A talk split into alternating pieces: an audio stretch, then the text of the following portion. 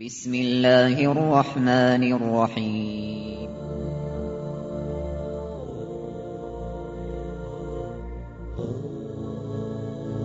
الرحمن العزيز الرحيم القوي السلام الكريم العظيم البصير العليم الحكيم الجبار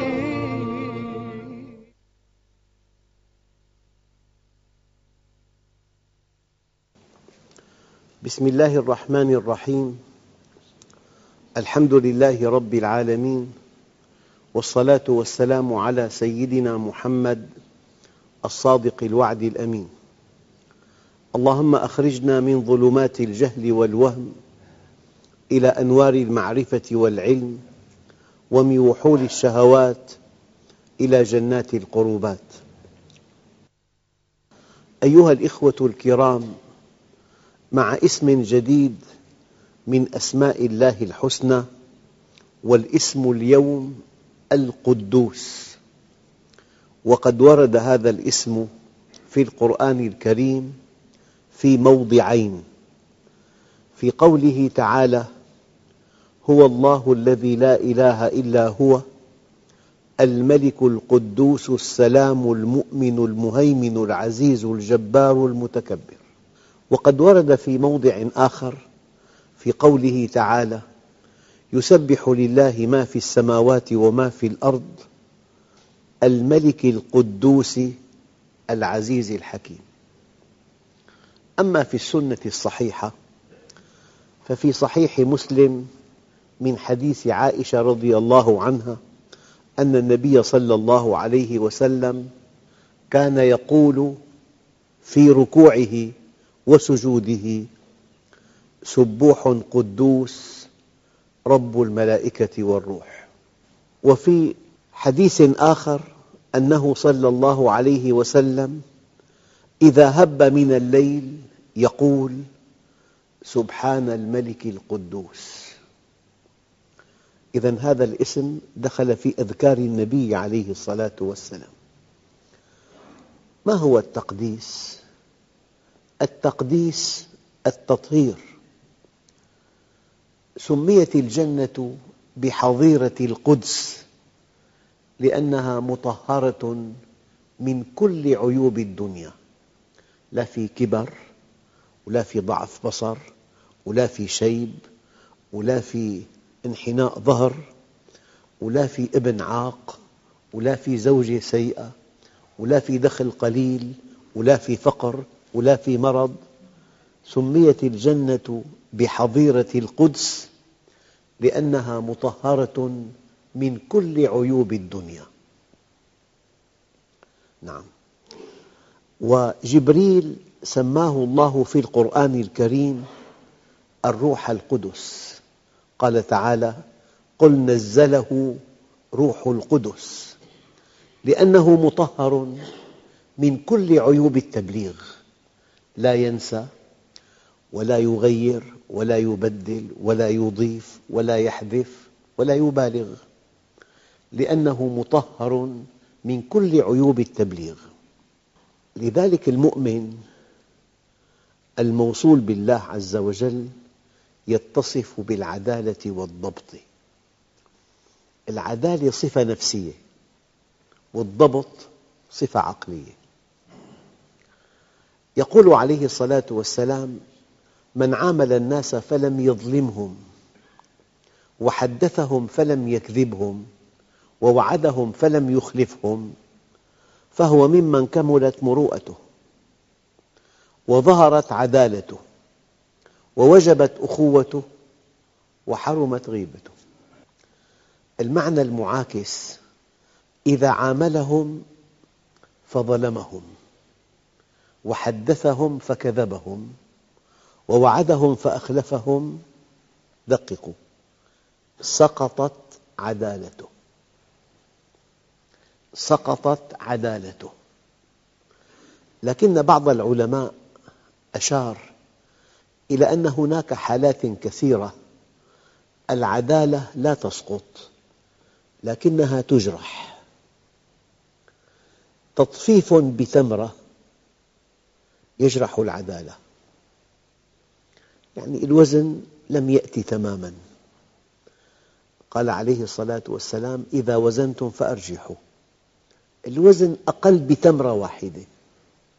جرحت العدالة.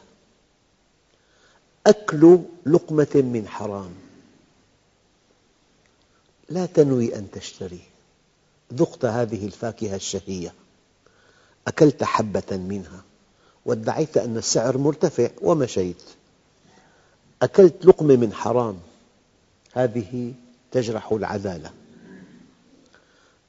من مشى حافياً تجرح عدالته من بال في الطريق تجرح عدالته من أكل في الطريق تجرح عدالته من علا صياحه في البيت حتى سمعه من في الطريق تجرح عدالته.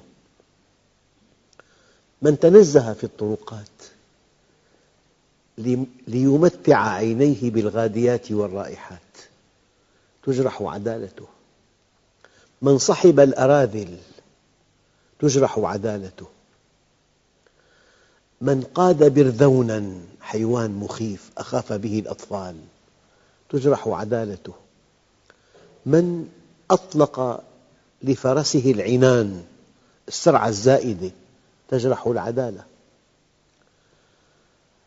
من كان حديثه عن النساء هذه طويلة وهذه بيضاء وهذه الحديث عن النساء يجرح العدالة. أرأيت إلى دقة هذا الدين العظيم؟ هناك أشياء الظلم والكذب وإخلاف الوعد يسقط العدالة. بينما أكل لقمة من حرام تطفيف بتمرة تجرح العدالة. فالمؤمن يتصف بالعدالة ويتصف بالضبط. يا أيها الذين آمنوا إن جاءكم فاسق بنبأ فتبينوا. أن تصيبوا قوما بجهالة فتصبحوا على ما فعلتم نادمين. يتمتع المؤمن بالضبط وبالعدالة معا. أيها الإخوة الكرام القداسة هي الطهارة والبركة. الطهارة والبركة والبركة الخير الكثير. قدس الرجل ربه قال إذا عظمه وكبره وطهر نفسه بتوحيده وعبادته. قال تعالى يصف الملائكة في حالهم مع الله ونحن نسبح بحمدك ونقدس لك. الكلام دقيق. أي نطهر أنفسنا من كل العيوب حتى نقبل عليك يا ربنا. الآن دخلنا بموضوع دقيق. الأقوياء في الدنيا أي إنسان أعلن لهم الولاء يقبلونه. ولا ينتبهون إلى سلوكه. أي إنسان رفع صورتهم يقبلونه. أي إنسان أرسل لهم برقية تأييد يقبلونه. لكن الواحد الديان إن لم تكن مستقيما إن لم تكن طاهرا إن لم تكن رحيما إن لم تكن منصفا إن لم تكن متواضعا لا يقبلك. الولاء للأقوياء شيء والولاء لله عز وجل شيء آخر. لأن الله طيب ولا يقبل إلا طيبا. مع غير الله القضية سهلة جدا. أي سلوك يؤكد ولاءك له أنت مقبول عنده. لكن القضية مع الله شيء آخر. لا يقبلك ولا يتجلى على قلبك ولا يلقي في قلبك السكينة ولا يشعرك أنه يحبك إلا إذا كنت طاهراً. من الكذب من الغش من الاحتيال من الكبر. وأؤكد لكم أن صفة العنصرية الآن صفة شائعة بين الناس. يعني هناك توهم أن ترى لنفسك ما ليس لغيرك. هذا موقف عنصري يمنعك من أن تكون قريبا من الله لأن الله طيب ولا يقبل إلا طيبا. وإذا توهمت أيضا أن على غيرك ما ليس عليك من هنا أحد من ألف كتابا عن رسول الله صلى الله عليه وسلم أهداه في الصفحة الأولى فقال يا من جئت الحياة فأعطيت ولم تأخذ. يا من قدست الوجود كله ورعيت قضية الإنسان. يا من زكيت سيادة العقل ونهنهت غريزة القضيع يا من هيأك تفوقك لتكون واحدا فوق الجميع فعشت واحدا بين الجميع. يا من كانت الرحمة مهجتك والعدل شريعتك والحب فطرتك والسمو حرفتك ومشكلات الناس عبادتك. أيها الأخوة القداسة الطهر والله عز وجل لا يقبلك إلا إذا كنت طاهراً. من الذنوب ومن العيوب معاً. نقدس لك نطهر أنفسنا كي تسمح لنا أن نتصل بك.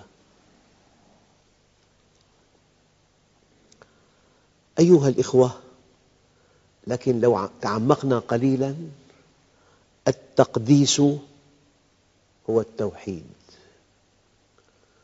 التقديس هو التوحيد وما تعلمت العبيد أفضل من التوحيد.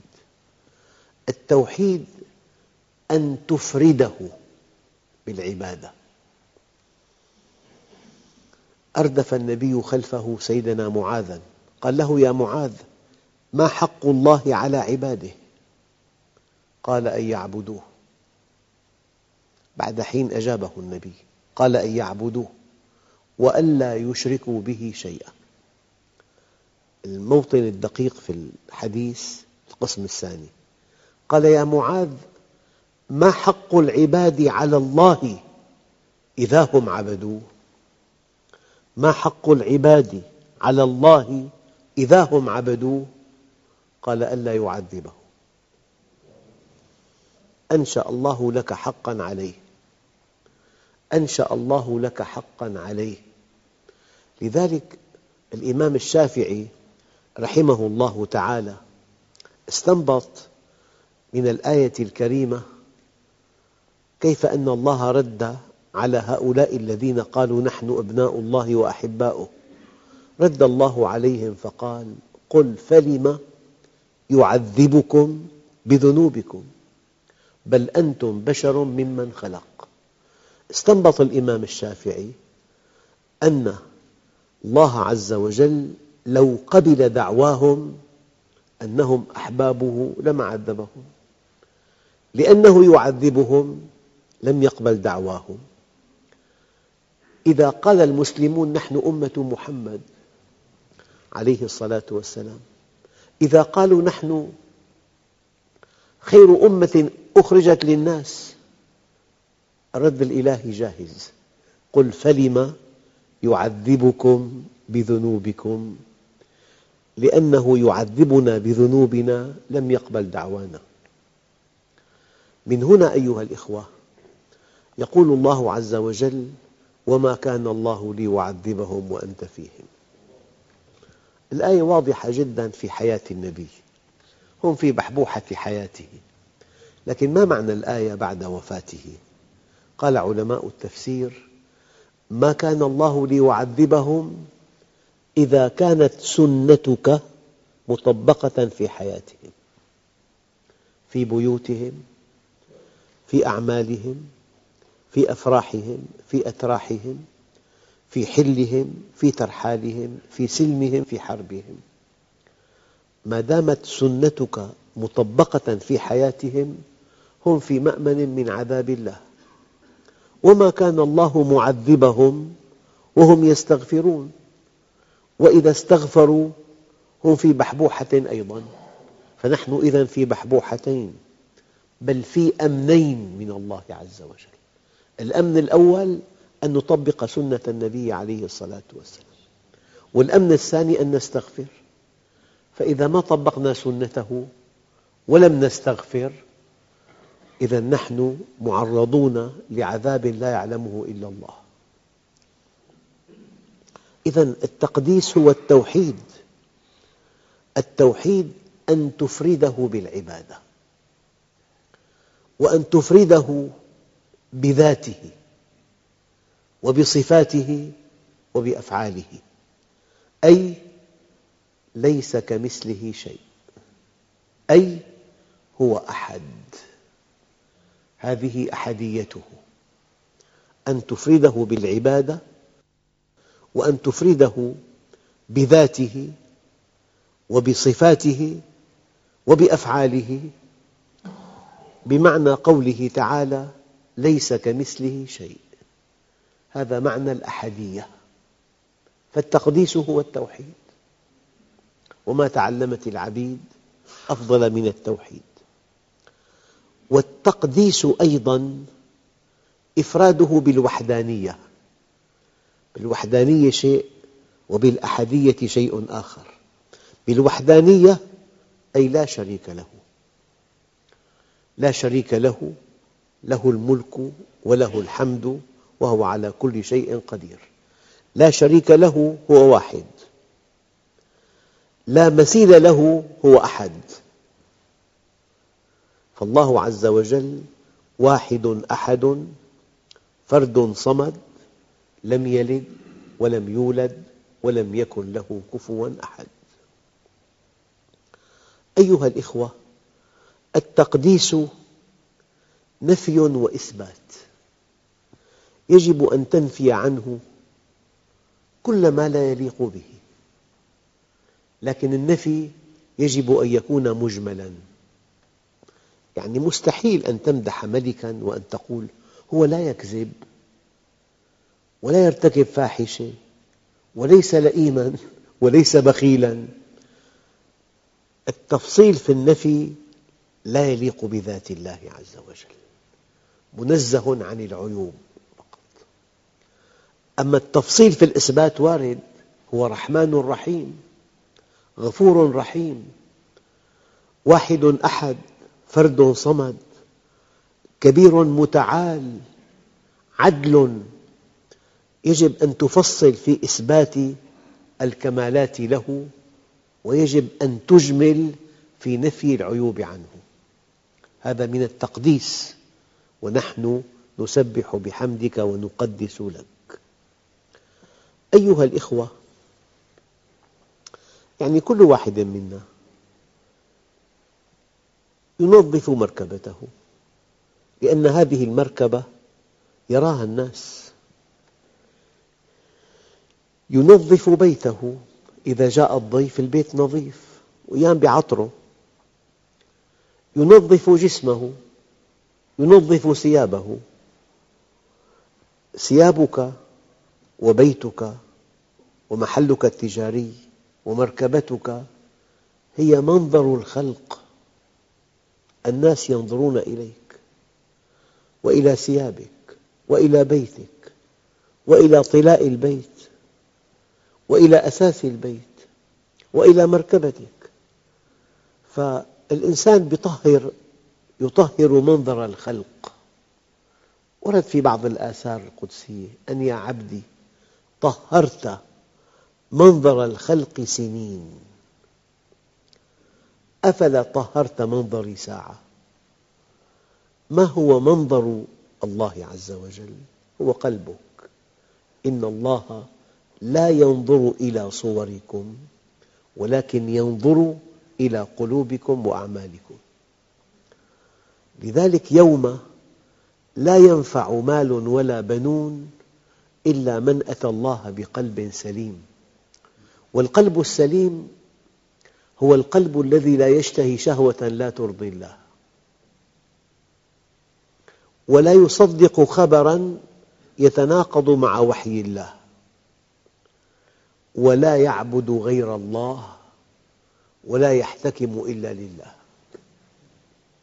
أيام الإنسان بذكائه هالقضية ما بتنحل عند المشايخ. تحل في القضاء. لك إحنا بلد في قانون وفي قضاء لأنه عند رجال الدين ما لها حل. بالحاسة السادسة بيكتشف أنه القضية ما بتنحل بالقانون معه عقد إيجار ومحمي المستأجر. بيجي لعند المشايخ سيدي هذا مو حقي هذا؟ هو جالس ببيت صلاته لا تجوز. لماذا في موضوع معين احتكمت إلى القضاء وفي موضوع آخر احتكمت إلى العلماء؟ أنت مع مصلحتك ولست مع الحق. أحيانا امرأة محجبة في بلد غربي إذا نشب خلاف بينها وبين زوجها ترفع الأمر لا إلى القاضي المسلم في المركز الإسلامي لأنها إذا رفعت قضيتها له يحكم لها بالمهر فقط. أما إذا رفعت قضيتها في بلد غربي إلى قاض غربي يحكم لها بنصف أملاك زوجها. فهذا الحجاب لا يتناسب مع الاحتكام لغير الله. يوم لا ينفع مال ولا بنون إلا من أتى الله بقلب سليم القلب السليم الذي لا يشتهي شهوة لا ترضي الله. ولا يصدق خبراً يتناقض مع وحي الله. ولا يعبد غير الله ولا يحتكم إلا لشرع الله. أيها الأخوة الآن في معنى آخر. القدوس هو المطهر عن كل صفات الكمال البشري. أيام يتوهم الإنسان أن الله كالأب هو منزه عن ذلك كالقاضي العدل لا لا منزه عن ذلك. الإنسان بحسب ثقافته بحسب علاقاته يتصور العدل بقاضي والرحمة بأب. فإذا أراد أن ينزه الله عز وجل وأن يقدسه ينسب له صفات الكمال البشري. فقال العلماء الله عز وجل قدوس أي منزه عن صفات الكمال البشري. لذلك قالوا كل ما خطر في بالك فالله بخلاف ذلك. هو مطهر عن صفات الكمال البشري. يعني كلمة منتقم بالإنسان لا ترتاح لها لكن المنتقم من أسماء الله الحسنى يوقف الجبارين عند حدهم يريح الناس منهم. إذا مات العبد الفاجر استراحت منه البلاد والعباد والشجر والدواب. منتقم الله عز وجل. في طغاة يعني ما في حل لإنهاء طغيان إلا بالموت. وسبحان من قهر عباده بالموت. فالمنتقم بحق الإنسان قد لا ترتاح لهذه الصفة. ما بحق الواحد الديان. الرحمة كلها في انتقام الله عز وجل. لذلك قالوا لا يعرف الله إلا الله. حتى الأنبياء حتى سيد الأنبياء والمرسلين معرفتهم بالله ليست مطلقة. نسبية. أعرف الخلق بالله رسول الله لكن الله لا يعرفه إلا الله.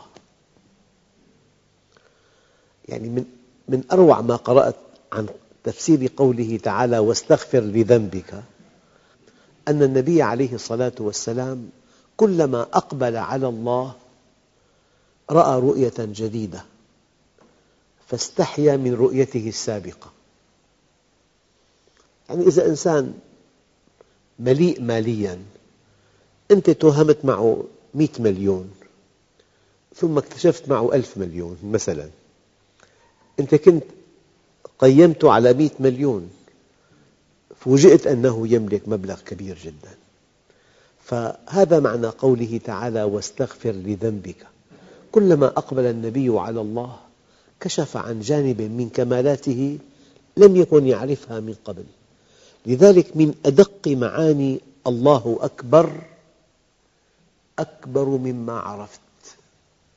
طبعا أكبر من كل شيء بديهي. لكن بأرقى معاني هذه الكلمة الله أكبر مما عرفت. كلما تعمقت في معرفة الله يجب أن تقول الله أكبر. لكن في تعليق لطيف إذا كان الله عز وجل منزها عن صفات الكمال البشري فلأن يكون منزها عن عيوب البشر من باب أولى.